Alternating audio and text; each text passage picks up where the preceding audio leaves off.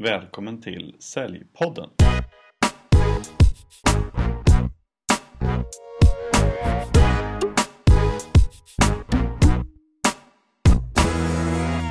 I det här avsnittet av Säljpodden så kommer du träffa Pontus Henningsson som är expert på social selling. Han kommer dela med sig av sina bästa tips, vad du inte ska göra i sociala medier och hur du jobbar strategiskt för att nå kunder via sociala medier. Så lyssna på den här intervjun. I det här avsnittet av Säljpodden så har jag med mig en modern och framgångsrik säljare som nyttjar metoden social selling för att komma i kontakt med beslutsfattare på stora bolag, nämligen Pontus Henningsson på SAS Institute i Stockholm. Välkommen till Säljpodden Pontus! Tack Mattias! Trevligt att få vara med. Eh, ja, kul att ha dig med. Du, eh, får jag fråga, du är ju eh, numera Stockholmsbo, men du är inte därifrån från början, eller hur? Nej, det stämmer. Jag är ursprungligen från Karlstad i Värmland. Ja, och hur gick resan till från Karlstad till storstan? Den gick via Göteborg, eh, några år där, eh, tre närmare bestämt, och eh, tre år i Dublin innan, innan jag och tjejen bestämde oss för att nu är det dags att åka hem och då Stockholm det som lockade mest för stunden. Så nu är vi här. Mm. Vad, vad har du gjort tidigare på de här olika ställena och länderna då? Ehm, I Karlstad så ehm, ja, var jag ung och spelade innebandy och bestämde mig för att jag ville ut i världen och, och, och plugga. Mm. Eh, hamnade i Göteborg. Eh, fortsatte sedan plugga i, i Dublin och sen fastnade jag där på, på jobb. Eh, först på Oracle och hoppade över sen till, till SAS där jag är nu. Och sen mm. så gjorde jag en, en transfer då inom bolaget hem till, hem till Sverige. Så det har varit en, en intressant och rolig resa. Så här långt? Och mycket är kvar? Absolut. Men du, SAS Institute, det har ju ingenting överhuvudtaget med flygbolaget SAS att göra, som man kanske först skulle kunna tro. Men eh, vad gör ni på SAS? Då kan man säga så här att SAS är världens största mjukvaruleverantör inom området dataanalys. Och vi arbetar med saker som ofta benämns som eh, IoT, alltså Internet of Things, eh, Machine Learning och mm. Big Data. Så kan man enkelt beskriva det. Mm. Men om man inte har hört begreppet eller förstår det här med Big Data, vad, vad är det för någonting? Ja, men Big Data är ett, ett begrepp egentligen som syftar till mängden data som, som kontinuerligt produceras. Och man kan säga att den datan som finns idag har vuxit eh, exponentiellt under, under många år. Och, eh, när datorer och sånt kom så producerade man lite data men hela tiden så, så skaffar vi nya eh, saker som telefoner och, och, smarta klockor och allt vad det är som producerar data och, och, nu kan man säga att mängden data är på riktigt big. Mm. Och, och eftersom att allt är uppkopplat och producerar data hela tiden så, så måste man ju lära sig om vad är det för data, vad händer och eh, vad, vad, gör vi med våra prylar? Mm. Och därifrån kan man ju hitta oerhört stora möjligheter att skapa värde. Både för bolag och, och även för, för oss personer såklart. Ja, kan du, eh, vad finns det för värden som man kan skapa då? Det finns ju en, en herrans massa saker och oftast så vet man ju inte om de här sakerna innan man börjar kika på vilken data man har för att man faktiskt inte förstår. Eh, men några exempel då skulle kunna vara att eh, du kanske är en, en eh, teleoperatör eller du har du en bredbandsleverantör, eller du har en tv-kanal eller något sånt. Och utifrån det så får du jättemycket information överallt, kanske på någon chatt som går till kundservicen och så har du Facebook-konto och så har du en Twitter-sida och där bara kommer det information i text och siffror och allting eh, hela tiden. Mm. Och där skulle man kunna förstå vad människor säger och är det någonting som händer som, som kanske inte är bra eller något som är, kanske är bra för den delen också, så vill man kunna förstå det och se vad det är som, som är värdefullt. Då finns det en ganska, ganska rolig grej här om en datortillverkare som eh, gjorde tangentbord. Och då gick de ut och började diskutera ifall de skulle förändra sitt tangentbord, flytta några knappar och sånt. Och på, mm. på ett av deras forum då så eh, var det gamers, alltså dataspelare, de som spelar dataspel på datorn, som började diskutera ifall det här verkligen var bra. Och till slut så upptäckte den här eh, tangentbordstillverkargruppen eh, att vi ska inte ändra på tangentbordet för våra kunder är extremt nöjda som det är. Och för att inte förlora de här kunderna så, så behöll man tangentbordet och alla var väldigt glada. Och det kommer från textanalys då, som är eh, en liten del. Sen finns det ju mm. andra spännande case också som om du tänker en fordonstillverkare. Då producerar du och bygger massa olika fordon. Det kan vara bilar eller bussar eller, eller lastbilar. De är ju i modern tid då, i alla fall utrustade med mängder av eh, sensorer. Och de, de, här sensorerna då kan skicka signaler. Och det här är lite IoT då kan man säga. Mm. Internet of Things. Och då, då kan de här sensorerna berätta när, när vissa saker börjar på att gå sönder och kunna se samband mellan, ah, men nu börjar den här grejen bli sliten, då måste vi kanske byta det här också. Annars så kan det här hända. Men man kan köra 100 mil till. Då planerar man in en service som är så effektiv som möjligt för, för den här kunden. Så det här, just det här fordonet. Och det här innebär att vi säger den här bussen då slipper få eh, motorstopp eller vad det är, att den, att den går sönder och behöver bli bärgad och sen stå på verkstad i 3, 4, 5 dagar innan de har lagat det. Så då kan man se det här innan och så kan man bara göra som ett litet pitstop inne på, på verkstaden. Kanske någon som är på vägen till och med. Och så löser man det på en, på en halvtimme, timme. Och så kör man vidare. Det är också ett extremt värde för, för, ja, för, för de som äger fordonen. Då. Mm. Och, eh, ett, ett, annat spännande case skulle kunna vara inom sjukvården. Där kan man jämföra med hur det, hur det ser ut idag där man behandlar folk som, som redan är sjuka.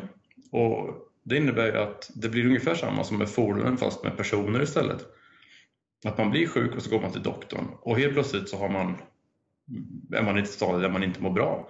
Men med hjälp av dataanalys så skulle man kunna förebygga det här. Till exempel då eh, någon som är i riskzonen för att få eh, diabetes till exempel. Då kan man använda den datan som, som finns om mm. personen innan och säga att baserat på vad vi vet om dig och ditt levnadssätt och, och dina värden så är du i riskzonen för diabetes. Och om du gör de här olika sakerna så skulle du kunna eh, klara dig från att få diabetes. Och det här kan ju såklart appliceras på många, många olika sjukdomar som, som ett exempel. Då. Mm. Men är det här någonting som, eh, som ni jobbar med, med era mjukvara som ni har, att man kan analysera och prediktera de här sakerna? Precis, precis. Och SAS har varit med väldigt länge inom, inom sjukvården och, och är också ledande i i samtal om hur man skulle kunna skapa en, en mer effektiv och, och kanske även billigare sjukvård. Mm. Så det, det, är väldigt spännande och det, det är kul att, att, vara med i ett bolag där, där vi gör bra saker för, för människan också och inte bara för, för bolagen såklart. Nej, det var ju som jag nämnde för när vi pratades vid tidigare här om eh, det som eh, Peter Diamandis hade skrivit om i sin eh, eh 2017s eh, tech-grejer man ska ha lite koll på inom teknik. Eh, det här med, med sjukvården om eh, ett case var just att hon hade en, eh, förmodligen en väldigt svår cancerform men de visste inte vad det var och då kunde man använda eh, big data för att scanna igenom alla databaser, medicinska publikationer, tidskrifter och vad som har skrivits om cancercase och så kunde datorn då själv sammanställa och, och göra en form av diagnos för vad, vad som var mest troligt att den här hade för typ av cancersjukdom. Det hade man inte klarat av om man var själv skulle scanna igenom det där. Nej, det, det, tar ju en stund att, att, gå igenom alla världens databaser. Precis. Så, så det blir ju ganska stora användningsområden för, eh, för big data. Ja, alltså eftersom att man har data överallt egentligen så, så, fin, finns det en hel del att, att, göra och som, som jag sa förut också, ofta så vet man inte vad det är man kan göra förrän man börjar kika på grejerna. Nej. Och det är där det blir riktigt intressant. Det är som de här som har eh, hälsoarmband som Fitbit och även Apple Watch som finns inbyggt och sånt i som, som påminner en också med tanke på ens rörelsemönster att ja, men nu är det dags att träna eller du har inte kommit upp i så många kalorier förbränning idag, du behöver göra lite mer. Så det, det, de vet ju om, de ser ju ett rörelsemönster och kan analysera den datan också. Precis, precis. Och där skulle du också kunna i, i förlängningen då skapa eh, reklam som går genom de här grejerna. Mm. Som är riktad till personer som kanske behöver röra på sig mer eller, eller som, som aldrig sitter still. Nej, precis. Så det, det, finns ju hur mycket som helst som man, som man faktiskt kan göra som man initialt inte riktigt tänker på. Jag tänker mig att de flesta bolag har väl ändå någon form av datainsamling, vare sig det är ett litet register eller om det är en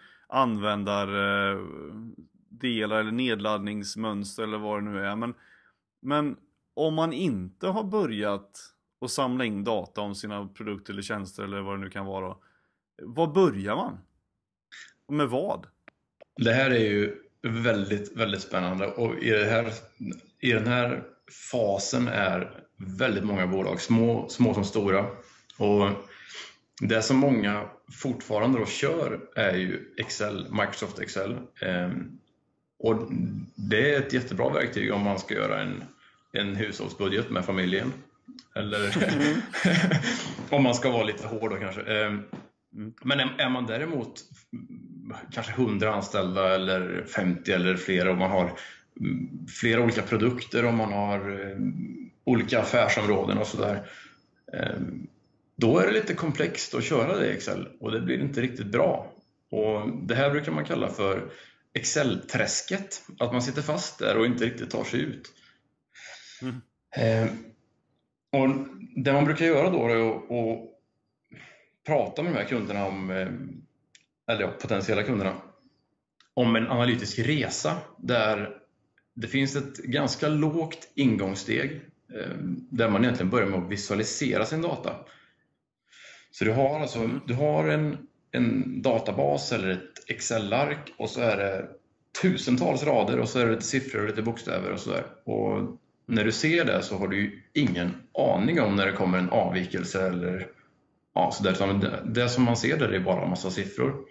Men mm. slänger upp det i lite snygga grafer och, och du, du får se på ett mm, visuellt mer mm, ja, attraktivt sätt kanske man ska säga. Så, så, att du verkligen kan få ut, alltså om, om du ser det på rätt sätt så kan du förstå det på bättre sätt. Och då, mm. då kan du se vart det finns lite avvikelser och, och sen gå in och hitta eh, grunden till ett potentiellt problem eller så. Som du aldrig skulle kunna se i i Excel-arket om inte du är superduktig på just Excel. Nej, precis. Eh, och, och, och det man egentligen börjar med, man börjar visualisera och göra lite rapporter och sånt som är ganska enkelt att komma igång med, men som ändå genererar bra värde. Och oavsett organisation så är det ganska, ganska enkelt att komma hit och i princip alla kan väldigt snabbt eh, se ett värde i det här. Och det, det som man gör ut efter det här, och att när man har fortsätter på sin analytiska resa, det är att man börjar försöka förstå vad som kommer att hända. Som vi pratade om med fordonen eller sjukvården eller sånt. Mm. Så att man försöker se in i framtiden mer. Och eh, det handlar ju om att någonstans ta rätt beslut för att komma till rätt ställe. Och när man kan börja prediktera vad som kommer att hända så kan man, kan man helt plötsligt ta väldigt, väldigt bra beslut. Det, Mm. Ja, det är, det är spännande. Så rådet är egentligen, eh, har man inget annat just nu så börja och samla in data i ett Excel-ark helt enkelt och visualisera för att, för att se vad, vad för mönster som kommer fram.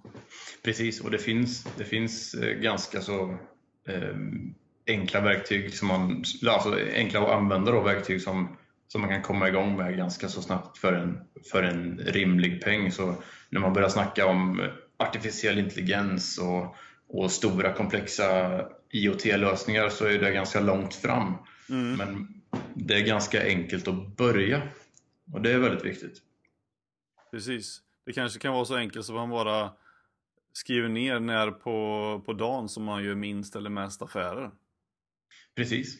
Och då kan man ta lunch istället den tiden. ja, just det.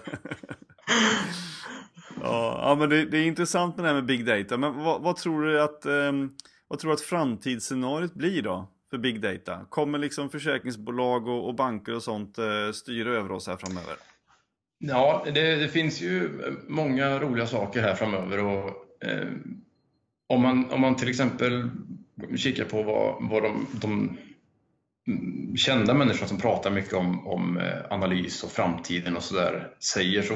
För några veckor sedan så nämnde en, en av Google-cheferna att robotarna kommer vara smartare än oss om 20, eh, 2019, då, om, om två år. Mm. Och, eh, du har maskiner som, som lär sig själva och de, de skapar nya formler och funktioner. Och, eh, ja, det, är svårt att veta hur fort det kommer gå men, men det här finns ju idag och det är egentligen bara hastigheten på robotarna eller mjukvaran eller vad man ska kalla det som, som bromsar det. Mm. Och, eh, och till exempel Elon Musk, eh, Tesla och SpaceX-herren eh, där, mm. pratar ju mycket om att robotarna kommer att ta över. Och han pratar mycket om en medborgarlön för, för människorna för att robotarna jobbar åt oss. Mm. Och det här ligger kanske lite längre fram i tiden men men det är ändå väldigt intressant att börja fundera över hur kommer det här att se ut när, när mer och mer jobb försvinner och vad ska vi göra då? Ja, det får vara liksom en fråga för filosofiska rummet det där. Den, vad som kommer att hända. Ja. ja. Nej, men och, och, möjligheterna med framtiden och dataanalys och datahantering och allt det här är ju att om man bortser från de här lite riskgrejerna som man, som man kan prata om som är lite läskiga så, så finns det ju enorma värden för, för företag och människor att investera i, i saker som kan hjälpa dem, som skapar värde. Mm. Och Om man kan frigöra människor från väldigt monotona sysslor så kan de ägna sig åt värdeskapande sysslor istället, eller någonting som är roligare. Mm. Och inte bara där, utan man, man kan även använda eh, datat som skapas eh, kontinuerligt till att, att göra världen bättre också. Mm. Om, på, om, om, du tänker, vi pratade om sjukvården förut, vi, mm. vi kan föreställa oss miljöproblem. Hur ska, vi, hur ska vi rädda världen om man ser haven, eh, skogarna? Hur får vi fram energi på bästa sättet? Hur minskar vi föroreningar? Det går ju att analysera precis allting och där tror jag vi ser framtiden för data. Jag tänker på att eh, någon som måste hålla på väldigt mycket med big data måste ju vara meteorologer. Ja, det får man ju fundera på hur precisa de är, men det, det brukar de, de, de brukar ju ge oss sol på sommaren och eh, lite dåligt med snö bara. Men Absolut, och det, det är någonting som man kan relatera till som, som privatperson. Väldigt mycket. Man går, ser på nyheterna och så, och så får man en, en prediktion om hur vädret kommer vara. Ja. Och ofta så stämmer det väldigt, väldigt bra. Så ja. Ibland skojar man om att det kan inte vara särskilt svårt att vara, att vara meteorolog. Det kan liksom... Det, ja, det är bara en chansning och sen behöver man inte ta något ansvar för ifall det går dåligt. Då får man det fel. Det blir som det blir ändå. De får komma och köpa lite mjukvara. Ja, jag menar det. En potentiell storkund där. Ja. Men Pontus, du, vart ju, du blev intervjuad i Veckans Affärer för ett litet tag sedan om eh, hur du eh, framgångsrikt har eh, använt begreppet, eller metoden, social selling för att få tag på kunder och göra affärer. Men för de som inte vet vad social selling är, kan du beskriva vad det är? Eller om du till och med vågar ge dig på någon form av definition? Absolut. Social selling då är till att börja med någonting som används på väldigt många olika sätt. Och det beror ju, skulle jag vilja säga, på vem du är och vad du vill göra i din yrkesroll. Och ska man försöka sig på någon form av definition så kanske man skulle kunna säga att social selling är en metod där man integrerar sociala medier i säljprocessen för att på ett effektivt sätt bygga relationer och eh, ja, med, med dina kunder och alla dina intressenter egentligen. Mm. Eh, och för mig handlar det väldigt mycket om just det här med att bygga relationer med människor och, och gå ifrån att vara en klassisk säljare utan snarare agera eh, lite som en rådgivare och en eh, partner om man så vill då, till, till slutkunden. Och, och jag vill säga så här, i, I mångt och mycket handlar det om vad du har för värde att erbjuda. Det är ju allting inom försäljning. Och för att kunna skapa det här värdet för din kund så måste du förstå dem. Mm. Jag tror, med flera andra också, att sociala medier är en väldigt bra väg att förstå sina kunder. För det är där folk är. Ja, och där kan du skapa, skapa värdet för din kund då, som sagt. Lära känna dem, förstå dem och sen erbjuda rätt saker till Mm. rätt personer. Men hur kommer det sig att du började nyttja sociala medier då för, för, att, för att nå nya kunder på SAS? Alltså jag menar, klassiska säljmetoder med att lyfta telefonluren eller skicka ett mail. Eller göra en mailing. Varför sociala medier? M Många, må, alltså jag säga, först och främst så använder ju många säljare sociala medier idag för att det är så integrerat i vårt liv. Eh, men frågan är ju mest hur då? Eh, Och många på SAS använder sociala medier. Ja. Eh, Jag och eh, flera andra kör, kör ganska hårt på det och ligger väl lite grann i, i framkant på bolaget. Mm. Eh, och som sagt, det, det handlar om att, att bygga de här relationerna med kunderna och grundorsaken till allting alltså, sk- skulle jag vilja förklara som att introduktionsfasen i en försäljning, det här vet ju alla som är säljare eller någon gång pratat i rollen som säljare att introduktionen är det är det svåraste, för när du väl känner någon så kan du prata ganska fritt och sådär. Mm. Och eh, man vill liksom över det där första steget så att man har en liten relation. Och Mm. social selling, lite grann då, sociala medier sådär, att när du ska prata med någon, då är det skönt att kunna visa att du har gjort din research. Och när någon hör av sig till mig så tycker jag att det är väldigt trevligt om de faktiskt har läst på om, bara om det lite grann så räcker det, om vem jag är. Mm. För då känns det mycket, mycket mer personligt. Mm. Och det räcker kanske att man skriver ett, ett eh, ja förut så skickade man ju bara mail, men nu finns det ju LinkedIn och det finns Twitter. Du skrev till mig på Twitter när vi fick kontakt första gången Mm. och det var jättebra. Och sen så är man inte främlingar när man hörs på telefonen, utan man kommer till ett steg där man faktiskt känner varandra lite grann. Och då är det mycket lättare att lyfta på luren och, och prata. Mm. Och det behövs inte så mycket egentligen. Absolut inte, utan jag, jag tycker mer att det handlar om att visa vem man är. Och, om du tänker att du, om du ringer till någon, ett helt kallt samtal, så är det ju det är inte jättekul att svara om man inte vet vem det är som ringer. Och hör att det är någon som vill kränga IT-grejer eller försäkringar och sånt där, då, då blir man ju snudd på irriterad. Men har man, har man däremot haft en, ja, men en kort, kort relation innan det, via någon social media till exempel, då, ja men okej nu, nu ringer han där, ja men bra då, då svarar jag, det blir trevligt. Kolla läget. Mm. Och då är man helt plötsligt över det här med att man måste dra sin elevator pitch och man ska vara Ja, men man, man ska liksom få in foten i dörren och allt det här utan den har man redan fått in. Man är där liksom. Mm. Jag står jag och funderar på hur, hur jag själv resonerar runt det här med Ja, som du säger, om någon ringer ett okänt nummer Ja, men då kanske jag väljer att inte svara på det just nu utan eh, lämnas det ett meddelande så kanske jag ringer tillbaks. Annars så kanske de får ringa en gång till eller så får man kolla upp via Truecaller vem det var. Eller om någon skickar ett eh, kallt mail Hej, jag heter det här och det här, vi har den här saken att erbjuda. Eh, det vore kul om du ville testa det. Test, alltså det gör man ju inte så ofta, i alla fall inte jag Nej. väldigt sällan egentligen. Och eftersom det, jag vet inte vem personen är. Men om jag får ett, eh, ett meddelande på LinkedIn om, från någon. Klart, känner jag inte den personen då, får, då har jag åtminstone möjlighet att kolla upp på LinkedIn vem är det eller på Twitter eller vad det nu kan vara. Precis. De har alltid möjlighet att kolla upp folk lite och jag vet inte varför vi har som önskan att behöva kolla upp någon egentligen. Så, alltså, istället för bara lyfta på luren och fråga vem det är. Eh, Men, men jag märker att jag tenderar att bli som själv också. Mm. Nej, och det, och det är... Men co- connectar man på LinkedIn så men då är man ju connectad. Av en anledning. Precis.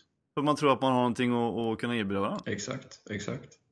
Och det här är väldigt viktigt att, att förstå när man ska försöka skapa affärsrelationer. Framförallt om de börjar från noll. Mm. Pre- Precis, och, och jag menar det här med om du då skickar ett, ett inmail på LinkedIn till exempel till någon. Eh, som inte vet vem du är. Det gör du väl knappast det med mindre att du skriver någonting, eller? Precis, nej men då, man, man skriver med lite smarta grejer. Eh, och här handlar det om att tänka till. Liksom. Man, man vill ju inte bara, om man ska till exempel connecta med någon på, på LinkedIn, då man, om inte det är någon som man, som man uppenbart känner så, så får man ju skriva varför man vill göra det och, och eh, mm. återigen då påvisa någon form av värde att connecta. Annars är det ju helt, helt irrelevant. Då. Ja men precis, och det är därför som man kanske tve är lite tveksam man tänker att folk måste ha tryckt fel liksom när man har alltså, liksom swipat igenom kontakt, alltså kontakt och råkat trycka på knappen när man swipar. eftersom man sitter på högersidan på telefonen och inte på vänstersidan. Eh, och det gör ju det att man kanske får in, alltså invitations från folk som man inte vet vem de är. Precis, precis. Och, och, och då undrar man ju varför man får den, för man skickar, får ju inte något meddelande med. Nej, Nej och det, det här är superviktigt för den personen bryr inte om överhuvudtaget. Och du kanske Nej. till och med, ja, i de flesta fallen så trycker man ju på, på krysset då, att man inte vill connecta överhuvudtaget. Mm. Och då gör man inga affärer. Nej, precis. Men jag tänker på liksom som det var som det var då kanske eh, förr eller så. Men alltså, många hävdar ju att man, att man kanske inte har, eller att folk liksom inte har tid att träffas. Eller att de inte ens har tid att vara sociala sådär på, på jobbet. Eh, jag tänker som det var förr med att man kunde gå, liksom, gå ut och spela golf. Och de personer som tänker så, de kanske ratar social selling som metod. Eller har de bara missförstått hela grejen? Ja, jag, jag tror att det är någon form av eh, kombination av allt möjligt där. Att eh, de som var med förr har levt i en, en typ av värld där eh, man gjorde affärer på ett sätt och nu börjar man göra affärer på ett lite annat sätt. Och, eh, personligen så föddes jag för sent för att få vara med och spela golf på jobbet. ja. Det hade varit supertrevligt. Då skulle man i teorin kunna ha varit en professionell golfspelare och det, hade inte varit så Ja, just det. Nej.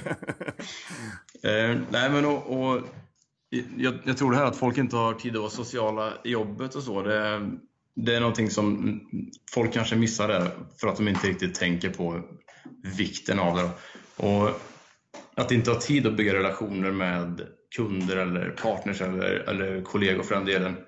Eh, det är lite att dra undan mattan för dig själv skulle jag säga. För har, har man inte tid att, att fokusera på relationerna runt omkring dig då, då har man i princip ingen framtid skulle jag säga. Utan vem skulle vilja arbeta med en sån person? Eller för en sån person? Eller vem skulle vilja anställa någon som inte, som inte är social och trevlig och finns där?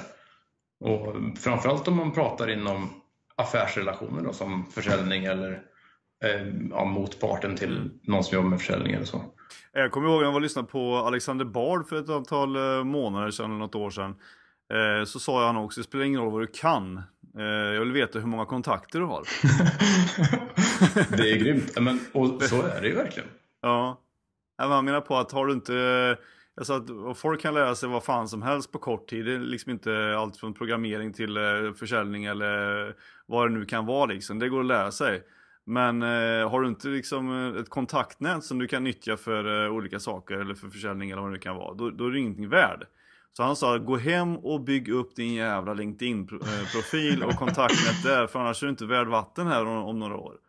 Ja, det tror jag väl, väldigt mycket stämmer där. Och, och kollar du på hur det var förr då, så eh, man pratar ju om eh, grupperingar av människor och där man gjorde affärer tillsammans. Eh, man hade kanske ett tajt nätverk och man hjälpte varandra. Mm. Lite eh, sån klassisk frimurargrej, att man ja, här träffas vi och så snackar vi lite om business också när vi träffas. Det är bra. Mm. Och så hjälper man varandra. Och ens, ens nätverk har ju vad säga, genom alla tider varit ovärderligt. Eller i alla fall en, en nyckelgrej för, för framgång. Då. Och idag är det ja, kanske till och med ännu viktigare. Men jag tänker på det här med social selling då. Alltså, hur, eller kan du beskriva snarare hur du tänker eller planerar alltså alla steg här för att få ta på till exempel en VD eller en annan beslutsfattare på ett bolag med hjälp av social selling? Ja, här, här gäller det att vara lite eftertänksam eller kanske till och med väldigt eftertänksam och jag, jag har kört den här approachen i, i några år nu och eh, provat allt ifrån det som inte funkar till det som funkar. Och innan man hör av sig första gången så gäller det att investera lite tid skulle jag säga. Och vill man bli ignorerad, då kan man skriva allt om sitt eget bolag och hur många anställda man är och vart huvudkontoret ligger. och, ja. och, och, så är det verkligen, för det har man ju provat också för att se, biter det här? Nej, det gör det inte. Men vill man väcka en persons uppmärksamhet och intresse, då måste man lägga lite tid på att förstå vad den här personen är intresserad av. Vart är värdet? Mm. Och om man inte kan lista ut det innan så är det svårt alltså. Det är det verkligen. Och som du märker nu kanske då så just nu har jag inte en tanke överhuvudtaget på att ringa den här personen. Om man bortser från att vi inte har en, om vi har en etablerad relation, att min kollega är kompis med den här personen, ja men fine, då kan man ringa. Det är inga problem. Men som första steg med en helt ny eh, person eller helt ny relation så, då, då tror jag att det här är en, en väldigt bra och mjuk ingång till, till ett samtal. Mm. Men vad kan det vara för exempel då? Så att vi får ta på en, eh, en vd då på, ett, eh, på ett bolag som eh, du tror att ja, men han, det, det här bolaget behöver nog göra lite dataanalyser på sina, låt säga mobilanvändare. Mm, mm. Hur börjar man? Och då, då, får man ju först då säga, okay, vad gör de här? Ja, men de har produkt och tjänst och eh, ja, ABC och 1, 2, 3 och allt mm. sådär. Och sen får man ju lista ut vart den här personen sitter i deras komplexa träd av människor. Mm. Och om man pratar med någon på en marknadsavdelning kontra någon på en logistikavdelning så får man ju ha helt olika approacher också. Så det handlar också där om att gå tillbaka till, okej, okay, vad har vi att erbjuda? Vad gör vi? Vem, vem pratar jag med? Eller vem vill jag prata med? Och sen försöka se sak, mm, ja, sakerna från, från den personens synvinkel. Och, och, och, även försöka tänka att om jag var den här personen som sitter på eh, marknadsavdelningen och ville men trycka ut bättre marknadsföring till mina kunder. Vad skulle jag vilja få för eh, approach från, från någon som säljer sådana lösningar? Mm. Det gäller att hamna liksom i deras verklighet eh, på en gång. Det tror jag. Det tror jag. Och, eller så är det verkligen. Och klarar man inte av det så kommer man aldrig att få komma längre än, än att skicka ett, ett eh, meddelande som blir raderat. Mm eller någon hänger upp med eller lägger på i örat på dig. Så, ja. så egentligen kan man säga att det är en väldigt stark intresseväckare som, som krävs? Absolut, mm. absolut. Och mm, när man hittar den, då, då visar man också att man förstår vad de, vad de pysslar med. Jag tänker att, eh, alltså, när funkar det inte? Om man säger så först då. När funkar inte social selling? En, en grej som är ganska klassisk då skulle jag säga är någon person som inte är aktiv överhuvudtaget.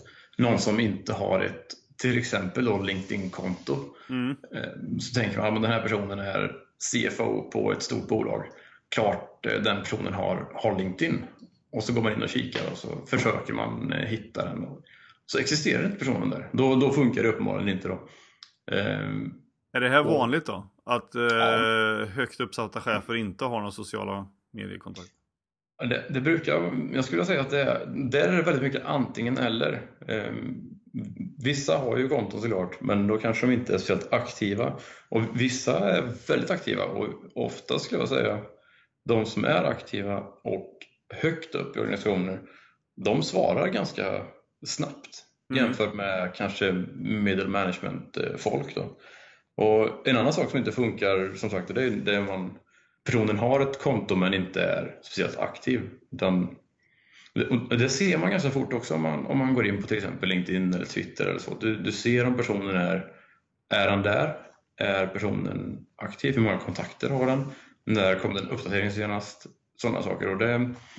Där får man också välja då, kanal att kontakta dem i. Och, och, så det är lite begränsat till eh, hur aktiv ens, ens kund är. Och även om man eh, en, en, annan sak då som, som inte heller funkar är när man lite tappar konceptet sådär. Och vissa personer som delar saker som man kanske inte är intresserad av överhuvudtaget. Och då slutar det också med att man kanske väljer att inte följa den personen längre. För att de delar massa, massa saker som man tycker är mm. irrelevant. Då. Ehm, så, och det är också en nyckel att försöka anpassa innehållet till, mm. till ens publik. Men jag tänker liksom, okej, okay, social selling då. Om man ska försöka bygga relationer och sådär. Men var går gränsen mellan att, att social selling blir liksom ett mest digitalt umgänge alternativt att det då helt bara övergår till sälj? Om du förstår vad jag menar? Ja, det här är en superintressant punkt som man, som man kan dela upp lite grann i olika steg eller vad man säger. Ehm, och sociala medier är ju till att börja med en enormt stor del av vår vardag, i alla fall de flesta vardag. Mm. Och människor använder social selling i olika kanaler, i olika sammanhang och det beror ju som sagt helt på vem man vill nå. Ehm, om man till exempel kollar på Barack Obama så körde han jättemycket Twitter, eller fortfarande gör han. Ehm, och jag kollade upp det här alldeles innan vårt samtal nu och då låg han någonstans på 15 000 tweets och drygt 80 miljoner följare. Mm. Och, så det är ju en kanal som passar honom väldigt bra. Mm. Men han kanske inte har så många polare på Facebook eller som är, ja, man kanske kan följa honom där men det är kanske inte är rätt kanal. Eller, eh, om man kollar på till exempel idrottsklubbar så och kanske modehus också för den delen, så kanske det är lite mer Facebook, Instagram och, och Snapchat där de är relevanta. Mm. Så man, man, får hitta sin, sin kanal då som, är, som, som känns rimlig. Och, eh, för, för mig så är LinkedIn den som jag tycker är bäst. Och där finns min målgrupp. Och det är ju egentligen nyckeln, för man vill ju vara där ens kunder är. Mm. Eh, och om man säger så här, jag, jag, skulle ju inte dela saker på till exempel Facebook till, till mina privata vänner eh, som är jobbrelaterat. För de, de, de bryr sig ju inte om om SAS har världens bästa IoT-lösning för, för, för bolag. Så. Nej. Och då, då kanske man istället skapar ett irritationsmoment. Då. Mm. Så alltså, man, kan, man kan också prata om eller eh. vice versa kanske också, att du lägger inte ut bilder på din frukost till dina, på ditt LinkedIn-konto. Exakt, exakt. Men det gör många. Uh-huh. Och, och de personerna väljer man ju att eh, ja, unfollow, att man inte vill se vad de gör längre till slut. Mm. Om det blir för mycket sånt. Så det, det gäller att vara lite, lite precis där med vad man, vad man vill säga och så. Och man kan ju prata om, om härliga demonstranter då, som, som vill uttrycka sitt eh, missnöje eller nöje eller vad det nu vill vara. Och de går ju inte till skogen och skriker utan de går ju till gator och torg och, och basunerar ut sina, mm. sina budskap till allt och alla.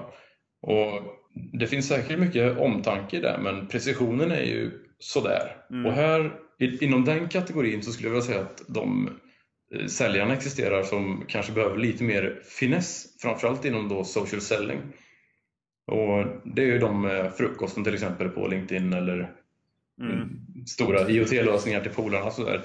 Ehm, så det, det, ska man försöka undvika då såklart. Och om vi ska ta det där med socialt umgänge då, så det är ju också social selling. Nu, nu kanske det blir lite djupt här men om, på Facebook till exempel så, så lägger du ut bilder på eh, nyfödda barn eller din hund eller din senaste resa och du skickar någon länk till polarna med något som de skrattar åt och sådär. Och, mm. och, det är ju faktiskt också försäljning.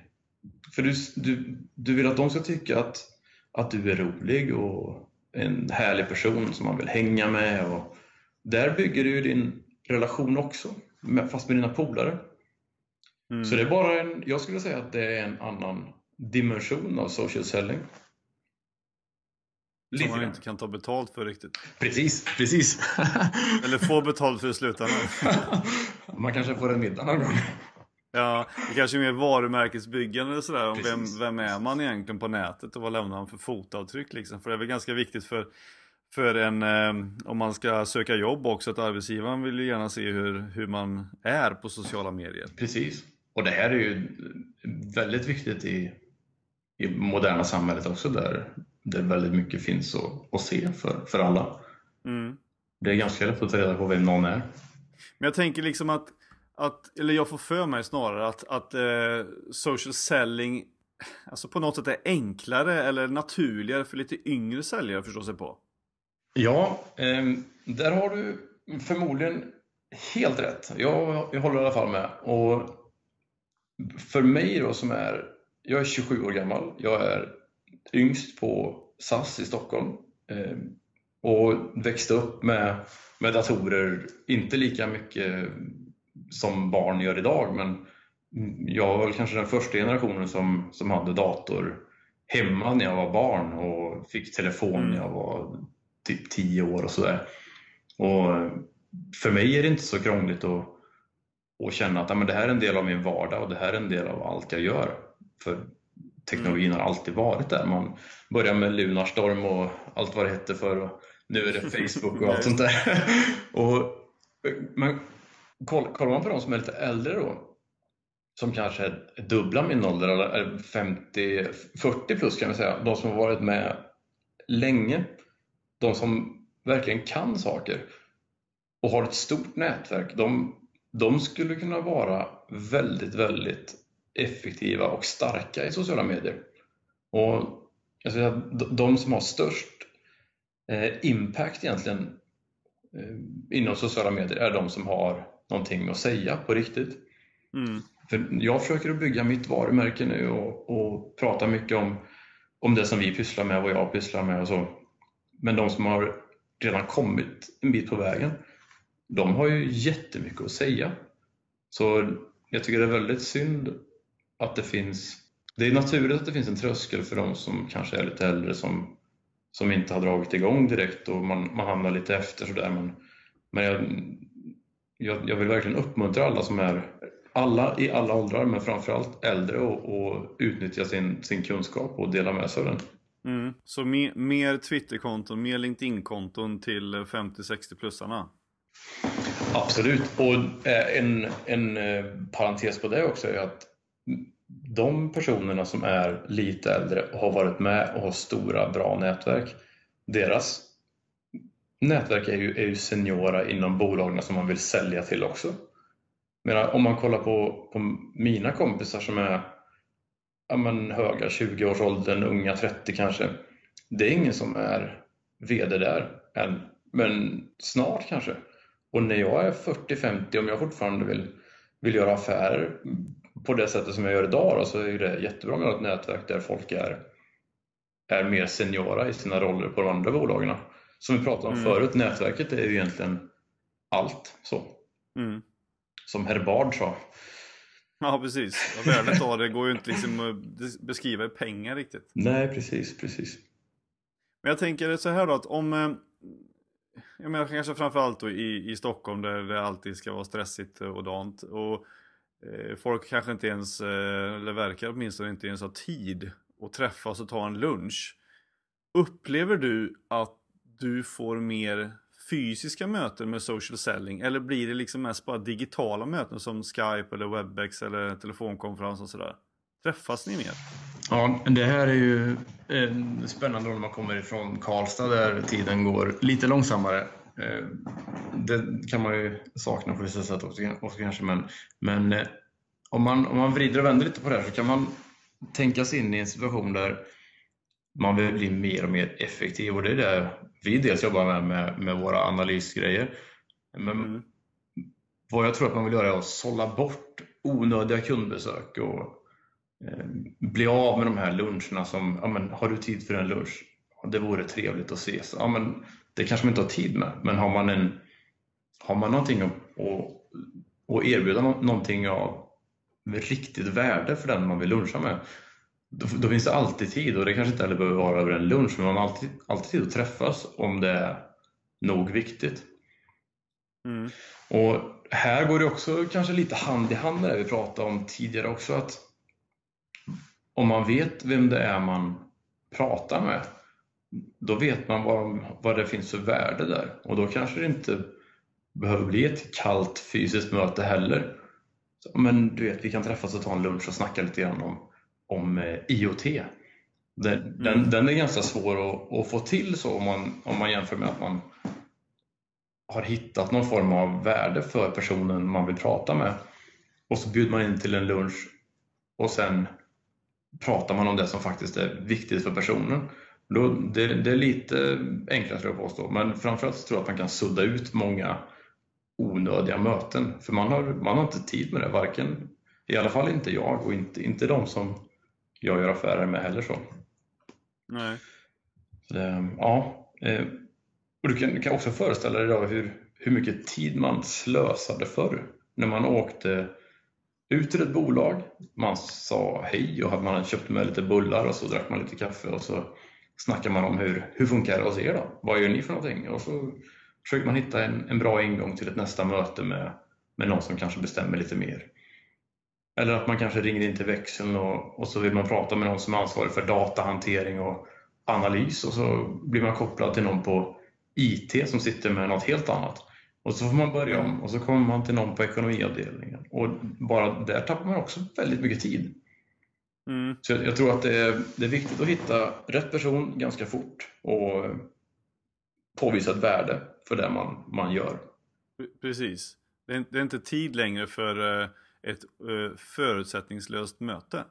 Nej, jag tror att den tiden är förbi. I alla fall mm. om man pratar om, om större, mer, mer komplexa lösningar så ja, den tiden är nog förbi för alla. mm. Men om man tittar lite grann på, på kanaler då. Eh, vilka, vilka kanaler ska man nyttja för social selling? Då kommer vi tillbaka till det här. Vart är din kund? För mig är det väldigt mycket LinkedIn, lite Twitter. Jag försöker köra Twitter, men inte Facebook, inte Instagram så mycket sådär, utan det, det, det är mycket fokus på LinkedIn, för där är mina kunder. Och det, då är det ju där jag ska vara. Mm. Och om man, om man tänker sig en, en säljare överlag eller en person överlag som har en uppgift, då vill man ju vara så nära den uppgiften som möjligt hela tiden. Om du, om du ska skotta snö till exempel, då vill du inte sitta inomhus, och, för då skottar du ingen snö, utan du, då vill du vara ute i snön och gräva. Liksom. Men tog det lång tid för dig liksom att hitta eller förstå att de var på LinkedIn och inte på Twitter? Ja, många kör ju Twitter också då och det är mest att jag är lite seg på Twitter men, men LinkedIn är ju, är ju verkligen ett nätverk för försäljning och affärer mellan människor. Rekrytering är också väldigt stort. Eh, och det blev någonstans en... Det är ju den största plattformen för... Det, det är ju som ett Facebook fast för, för professionella människor, om man säger en yrkesmänniska man är. Då. Mm. Så det, det kändes ganska, ganska givet för min del. Sen så har jag ju inte provat att, att köra Snapchat och sånt med, med kunderna. Det kanske också är effektivt, men det, det får jag prova framöver. Ja, och ibland så skapas det behov som man inte riktigt känner att man har behov av heller. Precis. Med de här eh, plattformarna. Jag ser ju på ungarna som håller på med både Snapchat och Musical.ly och vill se videos och bilder och sånt där eh, på kort tid. Men det kanske, allting kanske inte är anpassat för att vara social selling just, utan kanske bara dela en kul grej. Precis, precis. Och som sagt, man får, man får nog gå tillbaka till sig själv och fundera på vad, vad är det jag eh, vill sälja. Och om man, mm. om man tänker sig en form av trestegsraket här då, så skulle man kunna som en social seller eller en blivande social seller så skulle mm. man kunna börja med som, som steg ett och bara fundera på okej, okay, vem eh, vill jag prata med? Vem är min kund? Och vad vill jag säga till dem? Mm. Och sen fundera på som steg två då, vart är min kund? Var, och hur hittar jag dem?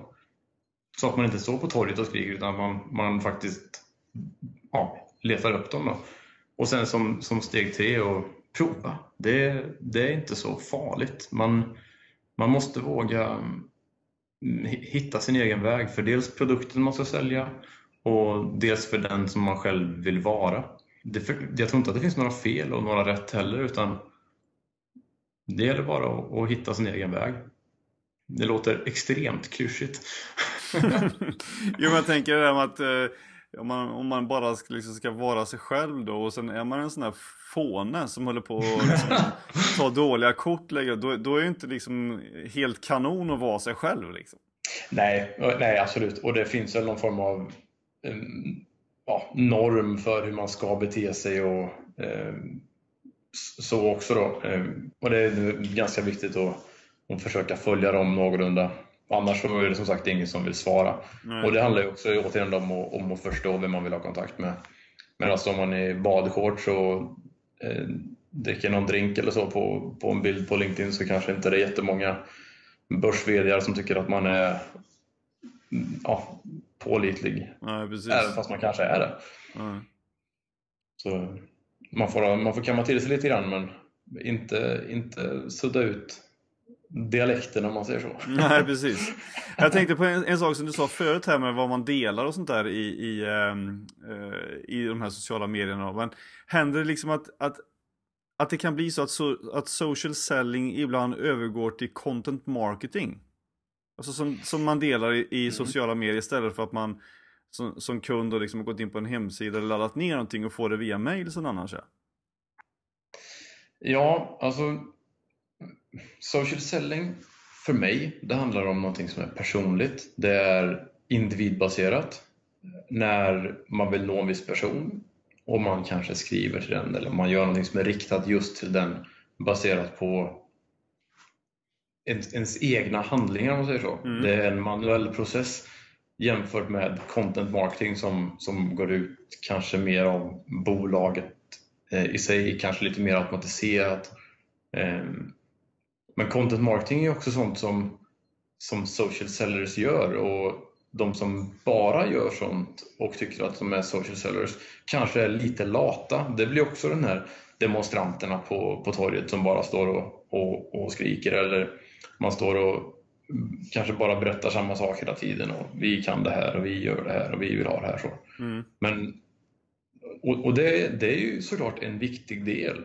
De som jag är connectade med på, på till exempel LinkedIn och jag kanske vill berätta för dem om, om någon ny grej och sådär. Man kan ju inte alltid skicka ett meddelande på LinkedIn till, till de här personerna för då skulle de få meddelanden hela tiden om man vill berätta massa coola saker. Mm. Så det får också vara någon, någon, någon parallell, ett parallellflöde liksom med, med lite content marketing kan man alltid göra men, men man måste också ägna sig åt lite mer kvalitets eh, ja, värdebaserade saker som, som kanske är lite mer individ, individbaserade. Då. Ja, just det.